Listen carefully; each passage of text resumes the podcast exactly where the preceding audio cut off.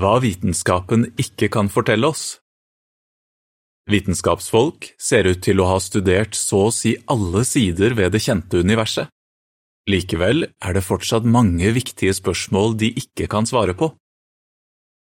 Har vitenskapen slått fast hvordan universet og livet begynte? Det enkle svaret er nei. Noen sier at en vitenskapsgren som kalles kosmologi, kan forklare hvordan universet oppsto, men en professor i astronomi ved Dartmouth College i USA, Marcello Gleiser, som er agnostiker, sier vi har ikke forklart universets opprinnelse i det hele tatt. Og når det gjelder livets opprinnelse, sier en artikkel i bladet Science News, det er kanskje umulig å slå fast hvordan livet på jorden egentlig begynte.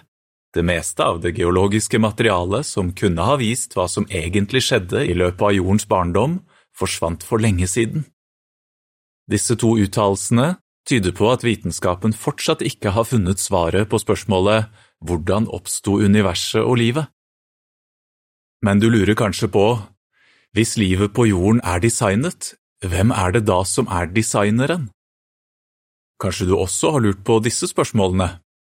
Hvis det finnes en vis og kjærlig skaper, hvorfor setter han ikke da en stopper for de vonde tingene som menneskene opplever? Hvorfor tillater han at det finnes så mange motstridende religioner? Hvorfor tillater han at de som sier at de tilber ham, gjør så mange onde ting? Vitenskapen alene kan ikke svare på de spørsmålene, men det betyr ikke at du ikke kan finne logiske svar.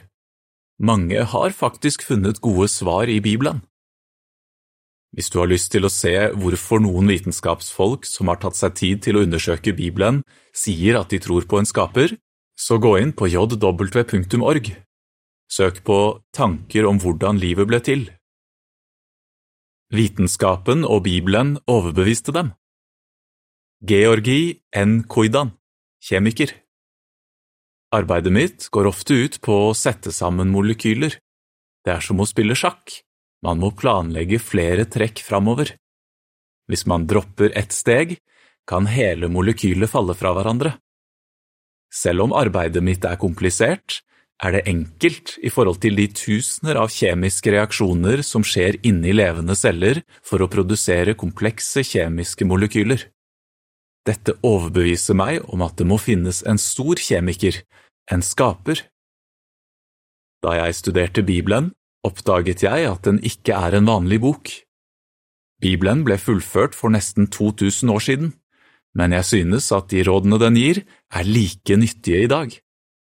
Det den sier om å løse konflikter i familien, på arbeidsplassen og med naboer, fungerer virkelig.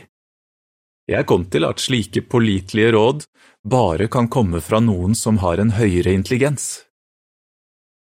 Jan de Sju, embryolog etter hvert som et embryo utvikler seg, må alle cellene samarbeide med hverandre for å omdanne visse celler til nerver, muskler, knokler, blod og annet vev og til slutt danne et individ. Den mekanismen som styrer utviklingen av et embryo, ligger langt utenfor det vi forstår. Slik jeg ser det, må livet komme fra en intelligent designer. Jeg synes at det Bibelen sier i Salme 139, 15 og 16 om hvordan et foster utvikler seg i morens mage, ligner på det som vitenskapsfolk har funnet ut i de senere tiårene. Hvordan kunne en slik korrekt beskrivelse ha blitt skrevet ned for så lenge siden hvis ikke skaperen hadde gjort skribenten kjent med dem? Se videoen Rosillo Picado Herrero, en kjemilærer forteller om sin tro. Søk på videotittelen på jw.org. Artikkelen slutter her.